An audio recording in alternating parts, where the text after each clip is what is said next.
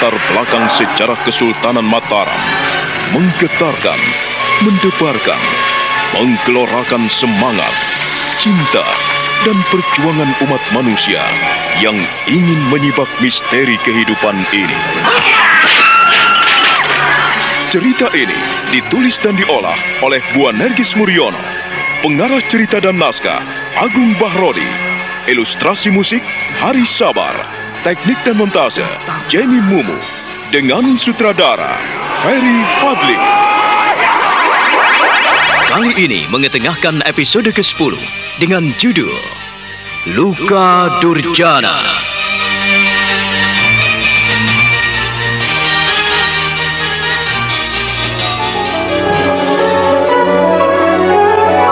Aji Sukmo terharu sekali ketika kakek dan neneknya Pangling tidak tahu akan dirinya. Mereka saling berpelukan dan saling menumpahkan kerinduan. Tiada terasa Air mata membanjir di pipi mereka, suasana makin hening. Aji Sukmo merasakan sentuhan batin yang paling dalam. Oh, Ger, Ger, ternyata kau sudah sebesar ini.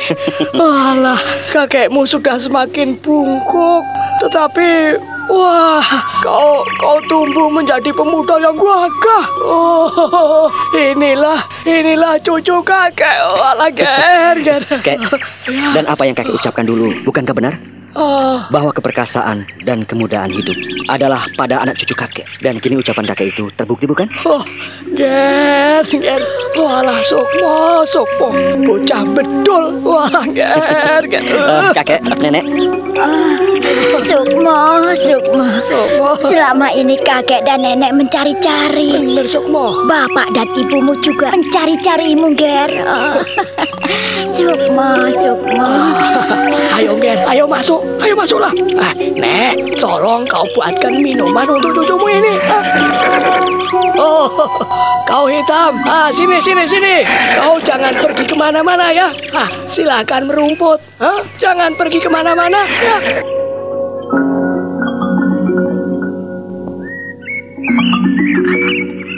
Eh, minumlah, Ger. Minumlah. Terima kasih, Nek.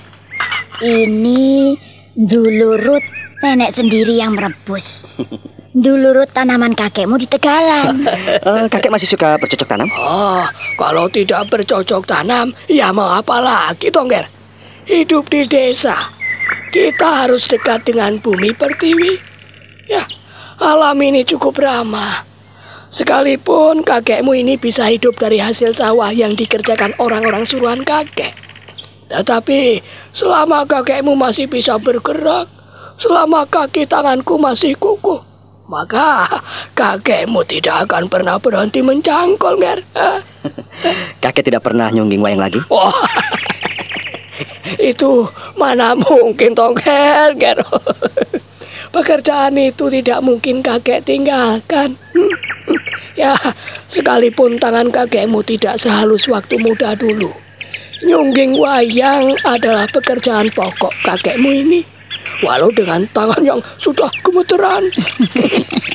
Kakekmu itu sering kali tak tok tak tok di tengah malam Sukmo. Dia selalu bikin boneka wayang. Lihat itu, apa yang terpampang di dinding itu? Oh, itu Gatot Koco, Nek. Iya, itulah yang diimpi-impikan kakekmu tentang dirimu. Kau diinginkan seperti Gatot Koco. Bisa melompat tanpa sotang. Bisa mabur tanpa sewiwi. Melompat tanpa kaki. Terbang tanpa sayap. Nenek ini. Sebagai orang tua, kan ya sudah wajar apabila kakekmu ini memimpikan agar cucu kakek bisa terbang bagikan Gatot Koco. terbang tanpa melompat tanpa kaki. Ya. Tapak paluning pande, tedas tatuning gurindo. Sakti Mondro Kuno, otot kawat balung besi. Benar kakek, Sukmo yang suka mengingat bisa seperti itu. Kalau hal itu sudah menjadi impianmu, oh, kalau kau sudah sampai di Mataram, nah, artinya impian-impian kecilmu itu pasti sudah menjadi kenyataan. Terima kasih atas doa restu dan perjuangan kakek selama ini. Ya, ya, ya. Sebagai orang tua, hanya bisa berdoa dan mendoakan, Ger. Agar anak cucunya bisa menjadi orang yang mukti wibowo. Ayo, disambi dulurut masakan nenekmu ini. Ayo, ayo, disambi. Diminum kopinya agar tubuhmu menjadi segar kembali. Terima kasih, Kek. Terima kasih, Nek. Hmm. Hmm. Kopinya sedap sekali. Wah, nenekmu yang bikin kok.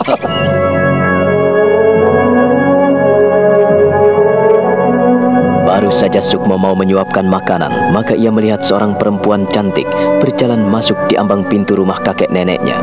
Ki Wulung dan Nyai Wulung pun ternganga melihat perempuan cantik itu. Mereka memandang tanpa berkedip. Nini, Nini, kemari. Hmm, Jangan berdiri di situ. Kemarilah, Nini. Ayo kemarilah. Iya, Kek. Coba siapa ini? Siapa pemuda ini, Nini? Lihatlah kemari. Siapa dia? kau tetap duduk di sini, Ger. Ah, kau jangan berdiri. Hmm? Nek. Ah, Nini. Ah, lihatlah siapa ini. Hmm? Cobalah kau tahu siapa pemuda ini. Hmm? Gagah, tampan, dan rambutnya gondrong. Hah? Ayo, ayo lihat siapa ini. Hmm? Lihatlah baik-baik, Nini. Kau, kau, wajahmu mirip sekali dengan Kakang Wari. Kau, kau Kangger. Kau Kangger anakku, Aji Sukmo. Kau ke anakku, Aji Sukmo. Kau ke anakku. Ini, ini ibumu, Ger. Benarkah kau anakku, Aji Sukmo? Ibu. Ibu. Ger, anakku, Aji Sukmo. Ibu. Aji Sukmo. Ini aku. Anakmu yang beling, anakmu yang nakal dan suka minggat. Ibu, Anakku, Ger. Kau sebesar ini. Oh, Haji Sukmo. Kau tahu, Ger, ibu kangen. Sukmo, aku kira kau sudah lupa pada ibumu, Ger. Kau sudah lupa padaku. tidak ibu. Sukmo tidak mungkin lupa pada ibu. Ibu. Anakku. Anakku. Ke mana saja kau selama ini, Ger? Ke mana? Ke mana selama ini kau, Ger, Sukmo? Oh, kau gagah sekali. Ibu. Maafkan anakmu. Maafkan aku, Ibu. Ibu. Sudahlah, sudahlah. Duduklah, Ger. Duduklah. Ya, sudahlah. Hmm, kalian duduk. Kami yang tua-tua jadi ikut nangis. Hmm, ah, sudahlah. Karena kalian sudah bertemu, jangan bertangisan seperti orang kehilangan sanak gadang yang mati. Sudahlah, ayo duduklah. Aji Sukmo dan Nini Warih sang ibu saling berpelukan menahan keharuan karena sudah lama sekali tidak bertemu. Mereka kembali berderai air mata. Ki Wulung dan Nyai Wulung ikut menitikan air mata. Sukmo menghapus air matanya yang membanjir di kedua pipinya. Demikian pula dengan Nini Warih. Ia terus menangis terisak-isak dan tidak mau melepaskan putranya dari pelukannya. Kau sudah lupa pada ibumu, Ger. Ah, kau sudah melupakan ibumu. Mana mungkin Sukmo melupakan ibu? Di mana pun Sukmo berada, Sukmo tidak akan pernah melupakan ibu. Ah, justru Sukmo datang juga, ingin bertemu dengan ibu. Benarkah, Ger? Benarkah itu? Kau tidak benci pada ibu? Ibu, mengapa ibu bilang seperti itu? Kau lama sekali tidak pulang, tidak memberi kabar, dan tidak mau memberitahu di mana kau tinggal dan berada. Siang malam ibumu berdoa agar bisa bertemu. Sebetulnya ibumu siang ini ingin mengajak kakekmu pergi ke Mataram menemuimu, Ger. Ibu, maafkan anakmu. Maafkan ibu. Bila selama ini berkelana dan mengembara. Dan kini, Sukmo harus melaksanakan tugas dan kewajiban sebagai seorang prajurit. Anakku, anakku semua.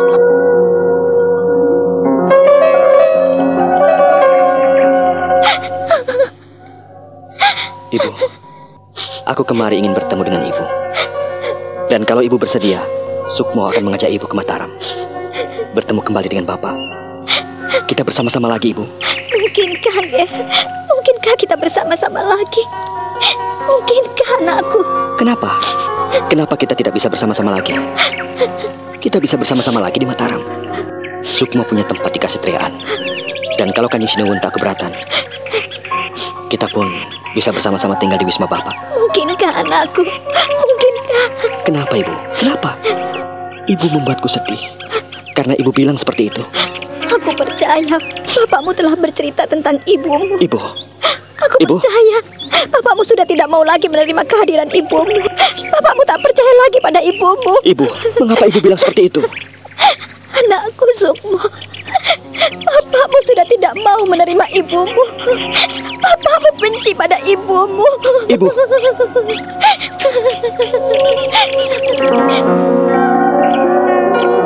Tubuh Nini Wari semakin menggigil oleh perasaan sedih. Keringat dingin meluncur di sekujur tubuhnya, seiring air mata yang berleleran di wajahnya. Sukmo ikut perih dan meratap panjang. Ia tak tega melihat ibunya yang nampak kurus. Ia merasa ikut bersalah dan tak tahu apa yang harus dilakukannya selain mempererat pelukannya. Namun perlahan ibunya merenggangkan dekapannya.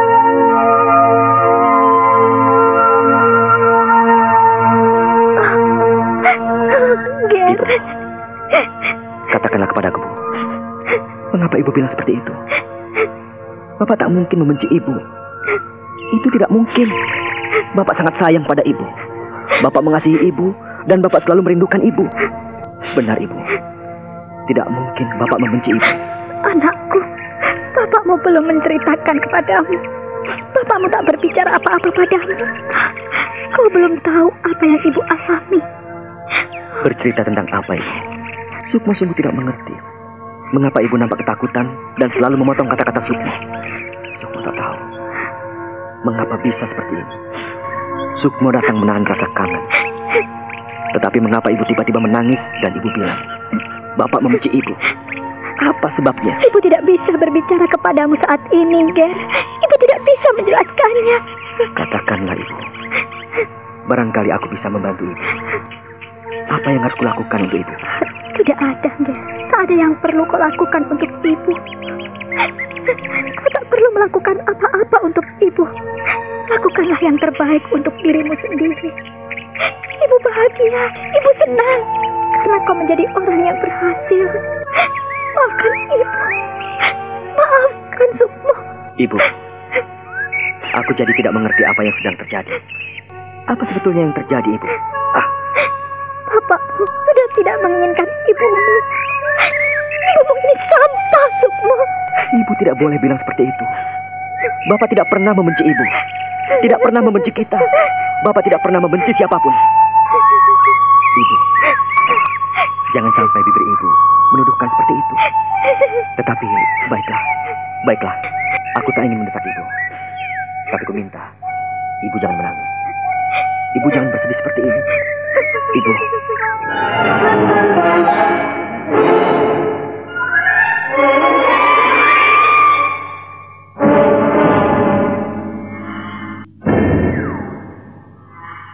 Nini, ayolah. Aku akan menolongmu. Aku akan menemanimu sampai anakmu ketemu. Sampai ke mana pun aku bersedia mendampingi dan menemani. Kalau Cokro, lebih baik antarkan aku pulang. Aku tidak bisa melanjutkan perjalanan ini. Sudah sampai di mana? Aku tidak tahu arah utara dan selatan. Lebih baik pulang kalau Cokro. Tak mungkin menemukan Sukmo di sini. Dia barangkali tak ada di sini.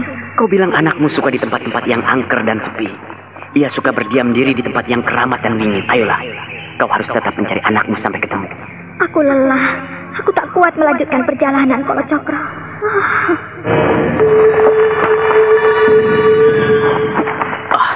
Nini, hati-hatilah. Peganglah tanganku dan kubimbing. Aku, aku tidak mampu berjalan kaki kalau Cokro. Ah, aku akan membopongmu. Ayolah, kalau kau mau, ayo ku gendong. Ayo, ayo. Ah, ah, tidak, tidak, tidak kalau Cokro. Tidak, tidak kalau Cokro. Jangan, lepaskan. Ah, Ini. Kalau Cokro, lepaskan. Ibu. Ibu. Mengapa Ibu diam saja? Kenapa Ibu? Mungkin, ah, mungkin aku harus kembali ke rumah nenek dan kakekmu di goa. Ibu, Apa yang ibu pikirkan? Sukmo tak habis mengerti. Ibu baru saja datang di sini. Tetapi kenapa tiba-tiba ingin kembali ke rumah kakek dan nenek Prada? Ini. Duduk, Lando. Minumlah dulu. Jangan buru-buru. Duduklah. Minumlah, ya. Minumlah air kendi. terima kasih, Nek. Terima kasih. Ya, seharusnya kau senang sekali bertemu dengan anakmu Haji Sukmo.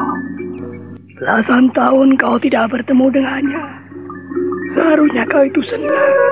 Bertahun-tahun ia meninggalkanmu dan setelah kau bertemu sebentar, eh, kau menangis dan malah ingin meninggalkannya. Ah, sudahlah ini. Duduklah di sini sebentar. Istirahatlah. Bisa berbincang-bincang sendiri dengan anakmu. Eh, ayo, Nek. Ikut aku ke belakang, yuk. I iya, iya, iya. Ini biar Nini minum dulu ya. Minumlah, Tondo.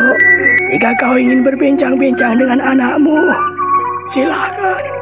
Lanjutkan. Aku dan ibumu akan ke belakang. Nah, bicara sendiri. Terima kasih, Nek. Terima kasih, Kek. Ibu, aku merasakan ada keanehan pada ibu.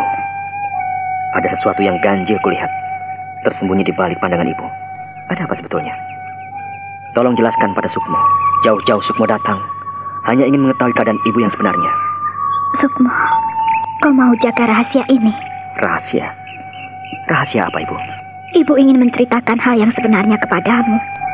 Mudah-mudahan kau bisa menerima dan mengerti mengapa bapak dan ibumu ah, terus bersih tegang seperti ini. Bersih tegang? Perang urat syaraf? Rahasia apa, Ibu? Katakanlah. Kalau Ibu masih percaya pada Sukmo, siapa tahu Sukmo bisa mencari jalan keluarnya. Saat itu, Ibu selalu mencarimu, Ge, merindukanmu. Tapi... Ceritakanlah, Ibu. Siapa tahu Sukmo bisa membantu Ibu. Ibu selalu dibuntuti oleh seseorang.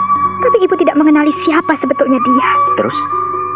Orang itu memiliki ilmu yang aneh. Apabila Ibu membalas tatapan matanya, sekalipun dari jauh, maka Ibu bisa lupa diri. Waktu di Mataram, waktu di Kerapia, atau di mana pun Ibu berada, Ibu selalu dibayang-bayangi.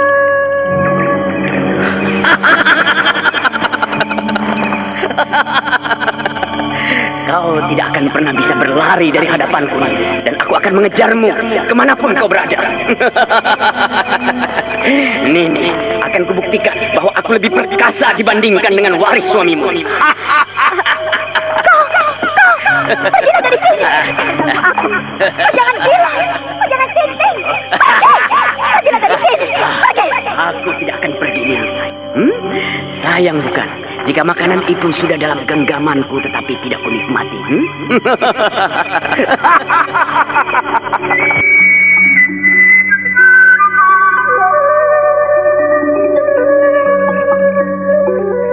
Ibu selalu diburu-buru orang itu dan ibu tidak menceritakan hal ini pada ayah.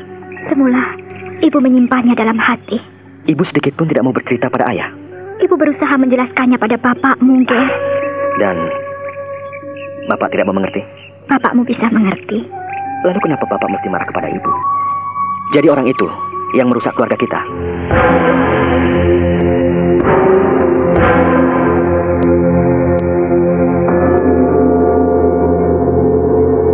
Mata Nini Warih terbelalak, mulutnya setengah menganga memandangi anaknya. Lalu ia menunduk malu sekali. Apa saja yang telah diceritakan bapakmu, Ge? Tentu ia sudah bercerita banyak kepadamu, bukan? Kau sudah tahu tentang ibumu? Tidak, bapak tidak bercerita banyak kepadaku, ibu. Ia hanya bilang bahwa ada seorang laki-laki yang merusak keluarga kita hingga keluarga kita hancur berantakan seperti ini. Hanya itu? Ya, hanya itu yang bapak ceritakan. Bapak tidak cerita apa-apa. Suatu ketika kau akan tahu, Sukmo, apa yang terjadi di antara bapak dan ibumu. Kali ini bapak tidak bisa menjelaskannya kepadamu. Iya, bapak tidak mengerti apa yang harus bapak katakan kepadamu. Tetapi bapak harap suatu saat kau akan memahami. Bapak tidak bercerita apa-apa tentang juga tentang lelaki itu. Kau tidak boleh ikut campur dalam urusan ini, Ger. Kau tidak boleh mendendam. Ini adalah urusan keluarga bapak, urusan bapak dan ibumu. Jadi kau tidak layak ikut campur. Lebih-lebih menyimpan dendam pada seseorang. Ingat-ingatlah itu. Pendekar yang baik pantang menyimpan dendam. Tidak bercerita kalau ibumu berlaku selingkuh. Ibu,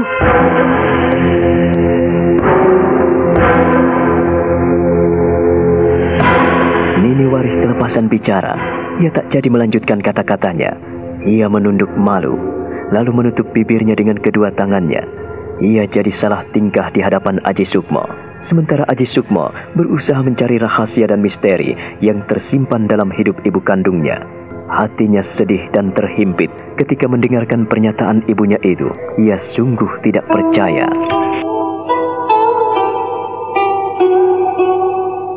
Bapak tidak pernah membenci siapa pun, termasuk kita. Dan aku menjadi tidak mengerti mengapa ibu merahasiakan sesuatu kepadaku selama aku berada di Mataram dan tinggal di Wisma Bapak. Bapak tidak pernah bercerita banyak tentang ibu.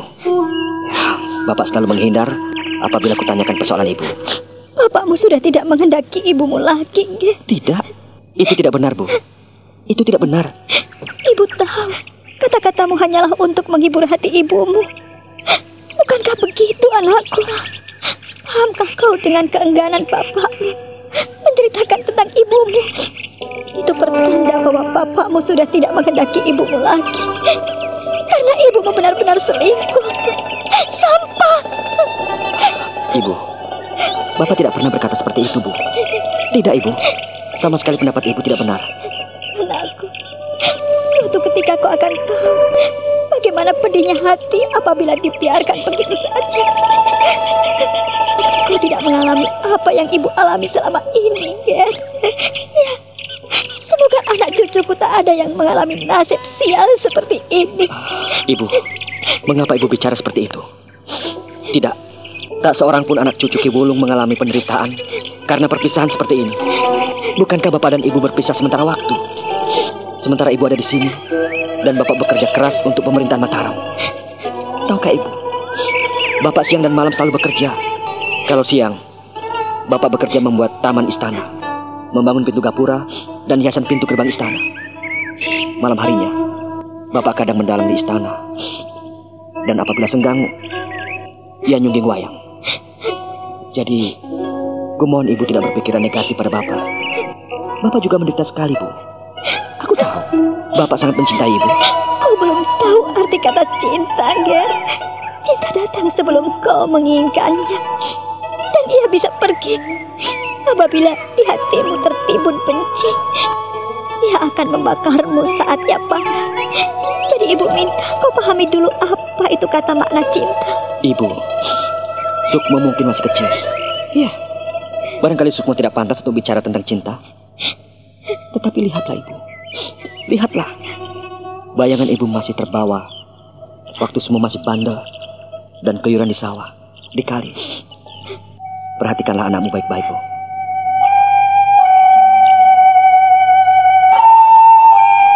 Aji Sukmo merenggangkan pelukannya. Ia memandang ibunya yang masih nampak cantik jelita. Nini Warih menyeka air matanya. Dengan mata yang basah, ia pandangi putranya. Ibu paham. Sukmo bukanlah anakmu yang dulu suka memelanting, suka keluyuran dan minggat, suka main ketapel, suka naik pohon, suka main di kali, dan suka meninggalkan rumah tanpa pamit. Itu Sukmo 10 tahun yang lalu. Ya, 10 tahun yang lalu, Ibu. Sukmo memang masih kecil.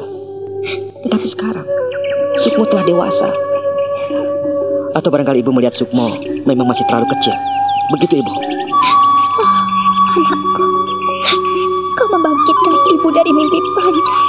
Ya, kau membangkitkan ibu dari tidur nyenyak, Ger. Ibumu sekarang sadar bahwa kau sekarang ternyata telah dewasa. Ya, kau memang sudah pantas untuk bicara tentang cinta, tentang kasih sayang. Walaupun kau perlu tahu bagaimana makna dan arti cinta yang sebenarnya di balik kehidupan manusia, nak. Ibu, andaikan aku dapat bercerita banyak tentang diriku saat ini.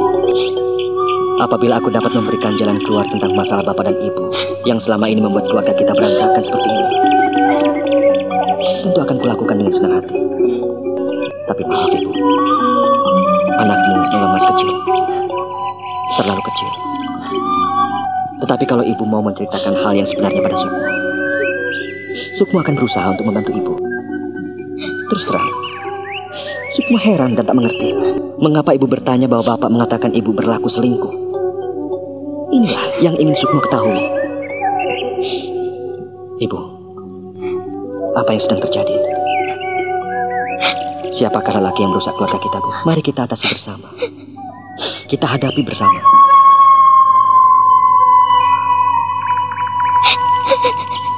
Maafkan Sukmo, Ibu.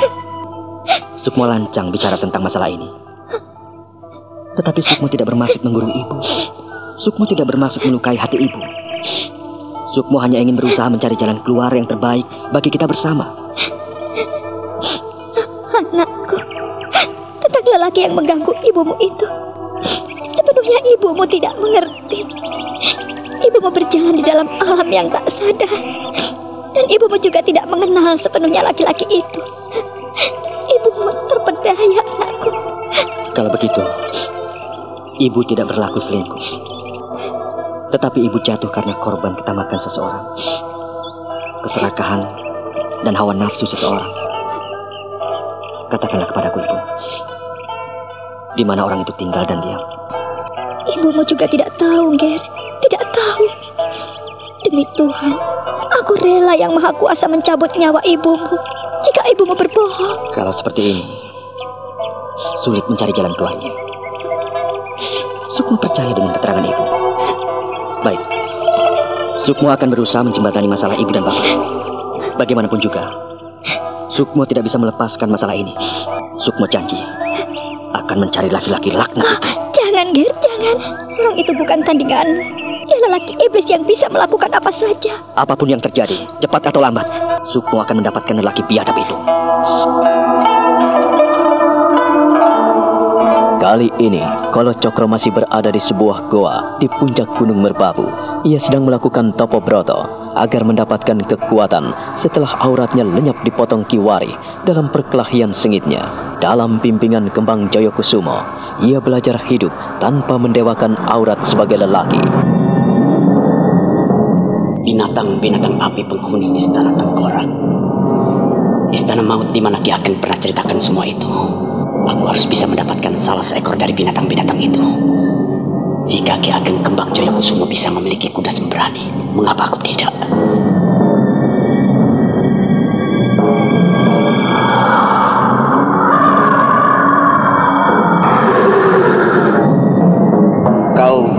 Bisa mendapatkan binatang-binatang itu sebagai kawan dan sahabatmu Kolcokro.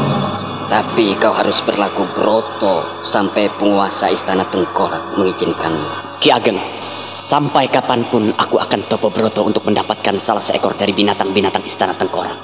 Aku menginginkan Raja Wali Api. Raja Wali Api? Duduklah bersila. Dan suatu ketika kau akan mendapatkan keterangan bagaimana mendapatkannya. Ki Ageng, janganlah tanggung-tanggung jika mau menolongku. Aku telah melupakan kelelakianku. Aku sepenuhnya ingin mengabdi penguasa istana Tengkorak. Untuk itu, tunjukkanlah padaku apa persyaratannya agar kumiliki Raja Wali Api. Hmm. Kau bisa mendapatkan seekor Raja Wali Api jika kau bisa mempersembahkan sepasang bayi kembar laki-laki. Dan bayi itu dilahirkan pertama kali oleh perempuan suci. Hmm? Kau harus mempersembahkan bayi itu di puncak gunung ini selagi purnama penuh. Aku akan cari. Aku akan sepertimu, Ki Ageng. Hmm.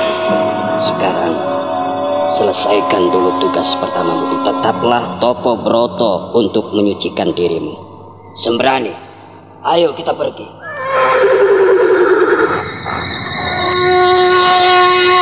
Kolo Cokro semakin kusuk bertapa dalam asuhan Ki Ageng Kembang Joyokusumo. Sejak ia dipermalukan di depan prajurit Mataram, ia tidak mampu melakukan apa-apa selain duduk bersila di sebuah goa di puncak Gunung Merbabu. Sementara itu, di rumah Ki Wulung, mereka masih bersitegang dengan permasalahan Nini Wari. Aku tidak mengerti. Mengapa Nini masih seperti itu? Kau tidak perlu ikut campur, Kek. Itu urusannya sendiri. Buah dari orang yang keras kepala ya seperti itu. Kau tidak perlu memikirkannya. Eh, dia adalah mantumu. Oh, mantu kita.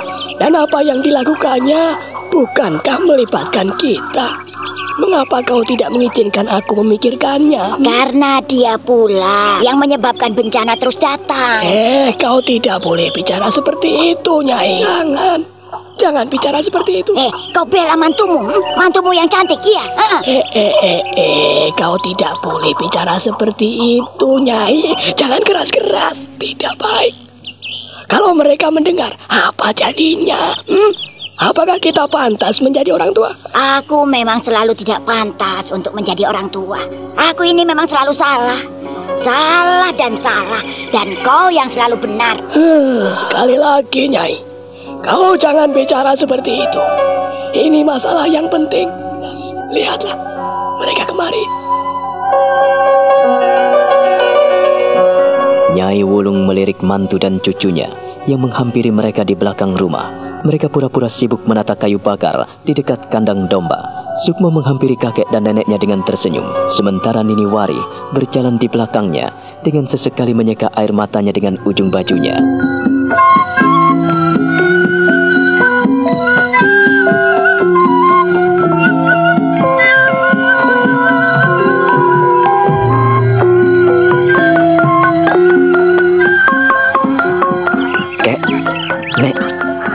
Saya akan mengantarkan ibu pulang. Loh, loh, loh, loh. Kau ini baru datang di sini, Ger. Kenapa mesti buru-buru pulang? Lalu kau terus pergi begitu saja. Ah, kau tidak balik ke sini kan? Melihat keadaan Kek, karena saya juga ingin ke Teratak sebentar. Ke Teratak? Iya. Weh, untuk apa lagi? Ada sesuatu yang harus saya selesaikan di sana, Kek. Ah, kau akan balik, Nini? Iya, iya kek. Saya akan kembali ke gua. Saya sudah ketemu dengan Sukmo. Hati saya sudah lega, kek. Oh, kau tidak jadi pergi ke Mataram? Tidak, kek. Saya, ah, saya akan kembali ke gua. Sukmo akan saya ajak, kek. Nek, Anakmu datang dari jauh-jauh. Seharusnya kau biarkan untuk istirahat sehari atau dua hari di sini. Malah kau ajak pulang. Kau ini bagaimana, Nini? Kau ini bagaimana? Bukan ibu yang mengajak, Nek. Tetapi aku. Kau ini memang bandel, Sukmo. Sejak kecil sampai besar begitu, masih juga sama, bandel. Dasar. Maafkan aku, Nek. Karena masih banyak keperluan yang harus kuselesaikan.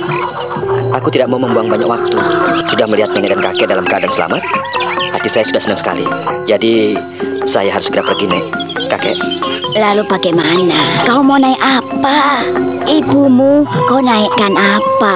Hah? biar kami berkuda. Si hitam kuat jika hanya kami menaiki berdua. Toh badan ibu tidak terlalu besar.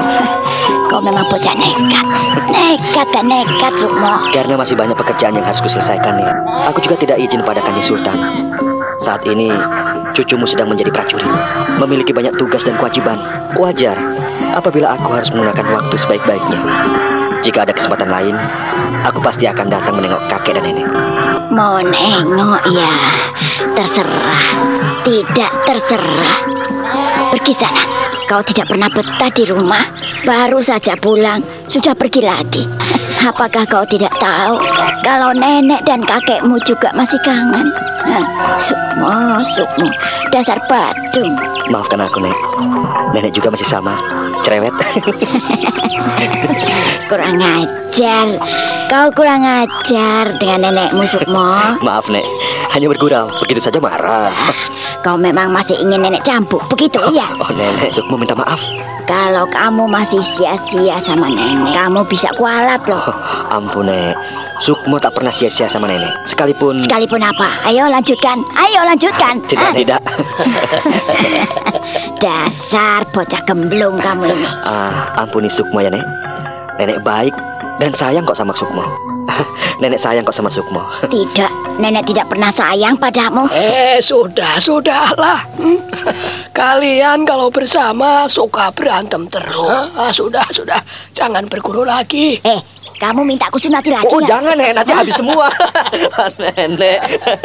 Eh, Nek, kakek, Sukmo mohon pamit dulu.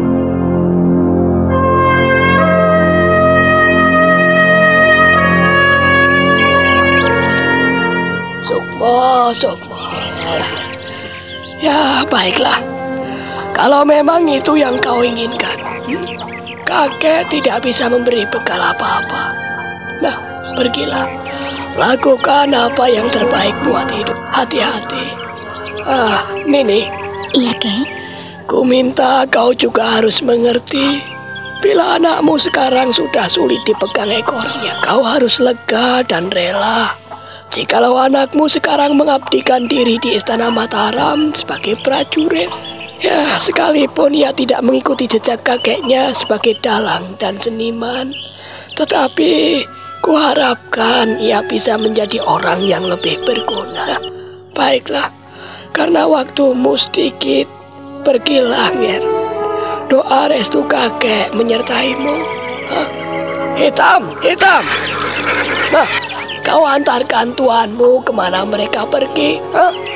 Ah, sudah sana sana. Ah, itu ikuti kemauan Doromu, Haji Sukmo. Ah, pendekar Kaloka dari Mataram. Ah, sudah, Ger. Ini kudamu. Terima kasih, Kek. Ah, hitam, maaf ya. Bila harus kami naiki berdua. Ibu, mari Bu. Ku bantu naik ke punggung kuda. Kau naik dulu, anak. Nek, Ya. kek, saya mohon pamit. Iya, iya. Hati-hati, Ndo. Hati-hati, Londo. Sukmo melompat ke punggung kuda, lalu membantu ibunya naik ke punggung si hitam. Ibunya duduk di belakangnya. Si hitam masih tampak tegar dan gagah, seakan-akan beban dua orang di punggungnya tidak terasa apa-apa. Mau jadi apa cucuku? Baru saja menginjakkan kaki sudah pergi lagi. Ia akan menjadi pendekar pilih tanding, Nyai. Ia akan menjadi pendekar sakti mandraguna. Hah, apakah kau lupa janjinya? Hmm? Aku tidak lupa. Tetapi kebandelan dan kenakalannya, kenapa juga tidak berubah? Tetap saja seperti itu. Heran aku ini. Ya, seorang yang pintar, pantang menghentikan langkahnya. Sekalipun ia tidur, ia terus berjalan dan melangkah dengan hati dan pikirannya. Kalau ia berjalan, ia terus memantapkan langkah dan rencana-rencananya. Sungguh beda, bagai bumi dan langit. Bila ku bandingkan dengan bapaknya. Setiap kepala tentu beda isinya. Lain Aji Sukmo, lain juga Ware. Iya, Aji Sukmo adalah kelengkapan Ware dan aku. Kalau aku dulu berkeinginan menjadi pendekar, tetapi tidak kesampaian. Nah, sekarang anakmu menjadi juru taman, menjadi seniman istana. Dan kini cucuku menjadi pendekar. Ah, terwujudlah niat dan cita-citaku. Terkabullah keinginanku. Ah, syukur kepada Gusti Yang Maha Agung. Bersyukur, kek. Ya, hanya ucapan syukur yang bisa kita panjatkan kehadirat Yang Maha Kuasa. Ia memberikan cucu terbaik buat kita, Nek.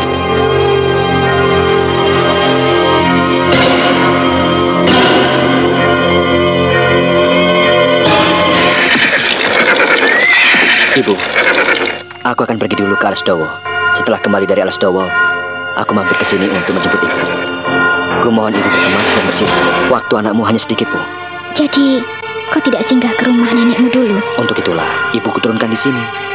Aku akan mampir setelah pulang dari Alasdowo. Aku akan menemui nenek Sorok. Sudah lama aku tidak menjenguknya. Aku berutang budi kepadanya, Bu. Kalau itu yang kau inginkan, ibumu tidak bisa menahanmu, Ger. Pergilah. Pergilah, Ger. Hati-hati. Jangan lupa, Bu. Ibu harus berkemas. Kalau aku datang sampai di sini, ibu harus benar-benar sudah siap. Ibu, ibu jangan menangis. Jawablah. Pokoknya aku ingin agar sepulang dari Alas Jawa nanti, ibu sudah siap untuk pergi bersamaku. Pergi ke Mataram untuk menemui bapak. Ger, seandainya ibumu nanti tidak bisa ikut bersamamu, ibu tak bisa ikut ke Mataram. Kau juga memaksa ibumu. Sukmo tak mau memaksa ibu. Hanya satu harapan dan pintaku ibu. Ibu mau ikut aku ke Mataram. Berkemaslah. Itu yang kuharapkan dari ibu. Aku pergi dulu, Bu. Hati-hati, Ger. Pergilah.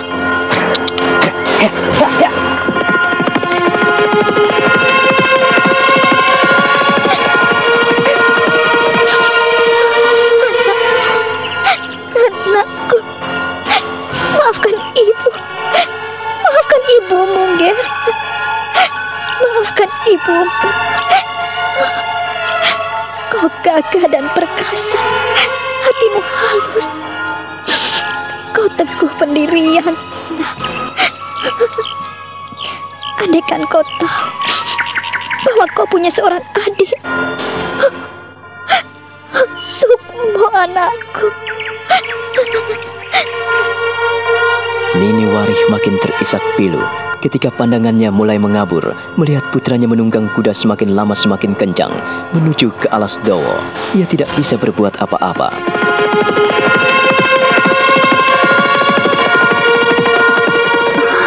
Anakku, tak kukira langkahmu sejauh itu.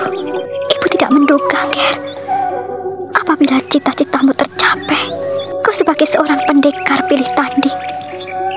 Sebagai seorang pendekar di Mataram, kau mau memikirkan bapak dan ibumu. Kau ternyata tidak kecil lagi. Kau peduli pada orang lain. Ger, Aji Sukmo, semoga Yang Maha Kuasa menyertaimu, nak. Nini, Mbak, kau ada apa? Hah? Kau ini kalau ditegur Simbo selalu kaget. Ada apa? Hah? Siapa yang kau lihat di kejauhan itu? Tidak, Mbak. Tidak bagaimana? Siapa yang kau lihat? Hah? Atau lelaki itu mengganggumu lagi? Ti- tidak, Mbak, tidak. Kalau begitu ada apa? Siapa yang kau lihat itu siapa? Pemuda gondrong yang berkuda itu siapa? Simbo melihatnya. Iya, Simbo hanya melihat dari kejauhan, melihat ketika rambutnya melambai-lambai berkibar di tiup angin. Ia menunggang kuda begitu gagah, kuda hitam perkasa. Mbak, dia tadi adalah cucumu. Maksudmu siapa, Nduk? Katakan siapa? Anakmu, cucuku, Haji Sukmo. Benar, Mbak. Aji Sukmo. Gusti yang Maha Agung, Haji Sukmo sudah sebesar itu. Aduh, kenapa dia tidak mampir? Kenapa tidak kau ajak masuk rumah? Kenapa? Dia ada perlu, Mbak. Dia harus mengunjungi Nyai Sorok dulu. Ada perlu apa? Mengapa kau tidak mau mengajak anakmu masuk rumah? Atau kau rahasiakan padanya kalau dia sekarang sudah punya adik begitu? Tidak, Mbak, tidak. Jangan berpikiran buruk kepadaku, Mbak. Tidak, Simbo tidak pernah berpikiran buruk kepadamu. Apakah benar pertanyaan Simbo? Mbak, tidak. Sukmo tidak seperti itu. Aku tidak merahasiakannya. Tapi saat ini dia memang ingin pergi ke Tratak. Keteratak? Untuk apa? Mau apa? Sejak kecil selalu ke sana melulu. Ada apa, Tondo? Ah, kau ini jangan membuat Simbo semakin bingung. Akhir-akhir ini kau selalu melamun. Selalu kaget kalau ditegur Simbo. Kau juga sekarang kurang memperhatikan anakmu prihatin. Lah kau ini bagaimana? Di mana prihatin, Mbak? Bakar ubi di ladang sama kakeknya. Ku ajak pulang ndak mau. Prihatin. Andaikan ia tadi melihat kakaknya. Memang seharusnya kau mempertemukan mereka. Hah? Piye, Tondo? Ah, Simpo jadi tidak mengerti. Mengapa keluargamu menjadi berantakan seperti ini? Kau harus memperbaharuinya, Nduk. Kau harus mengambil langkah-langkah yang terbaik buat keluargamu, bukan hanya untukmu, tapi juga untuk masa depan anak-anakmu. Masakan mereka tidak tahu sanak keluarganya, bahkan bapak dan ibunya sendiri tidak tahu. Jangan marah ya, Mbok. Jangan marah. Aku telah berusaha, Mbok. Simbokmu tidak marah. Mana simbokmu pernah marah padamu?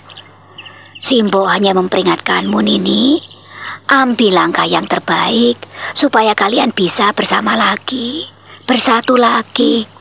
Katanya kamu mau ke Mataram, lah kok malah balik? Atau anakmu pulang bersama suamimu begitu? Dan kau menangis seperti itu? Suamimu mengusirmu begitu, ha? Ah, tidak, Mbok, tidak. Kalau begitu ya jangan menangis. Simbo ini berhari-hari juga memikirkanmu. Makan kurang, tidur kamu juga tidak bisa tenang. Ah, apa yang kamu lakukan selalu salah. Mau pergi ke Mataram tidak jadi. Ketemu anakmu tidak kau ajak masuk. Apakah kau tidak mau menganggap aku ini neneknya? ha? Kau ini aneh-aneh saja, Nduk. Tidak, Mbok. Entahlah, Mbok. Aku bingung. Aku tidak tahu apa yang harus kulakukan. Mengapa persoalan dan permasalahan datang bertubi-tubi menghampiriku? Seakan Tuhan tak jera-jera mencobaiku, Mbok. Ayo, ayo, ayo. Jangan mempermasalahkan yang maha kuasa. Menyalahkan yang maha kuasa sama hanya mengutuk diri sendiri. Kita hidup ini hanya sekedar menjalani, Nini. Jangan menyalahkan halik kita yang memberikan anugerah, berkat dan rahmatnya. Yang maha kuasa telah memberikan napas pada kita setiap saat. Coba, kamu tutup hidungmu, kamu bicara, maka kamu tidak akan bisa bicara dengan jelas. Kalau kamu tidak bisa bernapas, kamu akan menderita, bahkan bisa mati. Aku tidak menyalahkan, Mbok. Tetapi nasib yang buruk terus menimpa. Apakah ini sudah takdirku, Mbok? Takdir buruk yang harus kujalani. Hidup ini seperti roda pedatindo, ia terus melingkar dan menggelinding. Kadang bagian roda itu ada di bawah, menggelinding dan terus menggelinding. Kadang di atas. Hal demikian juga kita, kadang susah, tapi ya kadang kita senang, kadang kita menderita, kadang kita juga berbahagia. Susah dan senang dalam hidup manusia ini memang seperti saudara kembar yang lahir dari hati kita, Nduk, dari batin kita. Nah, kalau kau menyadari hal itu, tentu kau tidak akan menyalahkan siapa-siapa, bahkan tidak menyalahkan dirimu sendiri. Sadari, ya, Nduk, sadari. Jangan kamu ini cuma pasrah. Tapi cobalah untuk menerima dan melihat masa lampau sebagai pengalaman dalam perjalanan hidupmu untuk berpijak dengan yakin di masa sekarang. Dan untuk melihat masa depan yang lebih baik. Ayo masuk. Jangan menangis di pinggir jalan seperti ini. Kalau ada orang melewat dan tahu siapa dirimu, nanti bagaimana? Ayo masuk. Masuk. Nini Warih akhirnya mengikuti langkah Nyai Prada. Nyai Prada merangkul anaknya lalu membimbingnya masuk ke rumah. Sementara itu, Aji Sukmo yang berkuda dengan cepat bagaikan terbang kini sudah sampai di Alas Dowo. Di tengah hutan itu, ia berhenti sesaat. Dari kejauhan, ia pandangi gubuk Nyai Sorok yang masih utuh. Ia memperlambat kudanya dan sambil tersenyum sendiri, ia memperhatikan gubuk itu dengan baik.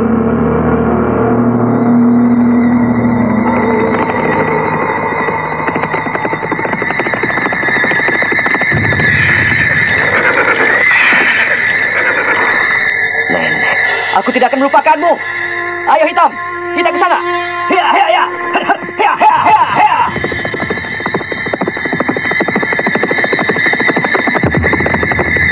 Siapa yang berkuda?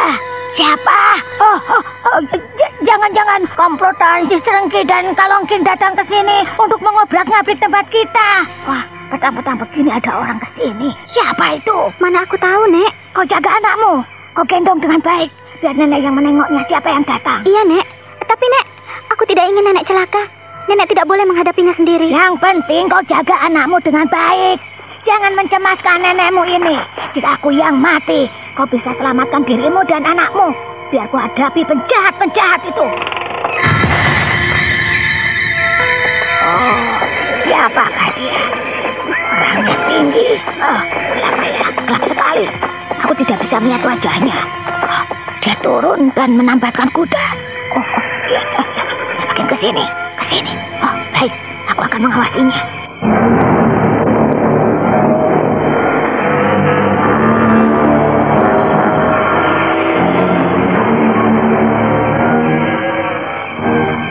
Oh, siapa dia? Pemuda gagah. Oh, jangan-jangan pengikut Ki Senggi yang ingin membalas dendam padaku. Oh, apa yang diinginkannya? Menjelang malam datang ke sini. Siapa di situ? Kalau kau tidak menjelaskan siapa dirimu, aku bisa lempar parang ini. Apa tidak niat aku membawa parang ini. Jika kau tetap membisu, aku bisa lempar parang ini kepadamu. Nek, nenek, aku datang, Nek. Nek, Wah, ini aku, aku, Nek. Sukma, kau Nek. Iya. Nenek. Oh, Sukma. Nyai Sorok tidak ragu-ragu lagi ketika mendengar suara Sukmo. Ia langsung tergopoh-gopoh menyongsong putra angkatnya itu. Parang yang digenggam erat-erat ia lemparkan begitu saja jauh-jauh. Aji Sukmo menyongsong neneknya mengembangkan kedua tangannya, menyambut dan memeluknya erat-erat. Perempuan tua itu terharu sekali sambil mengguncang-guncang tubuh anak angkatnya. Aji Sukmo terharu sekali.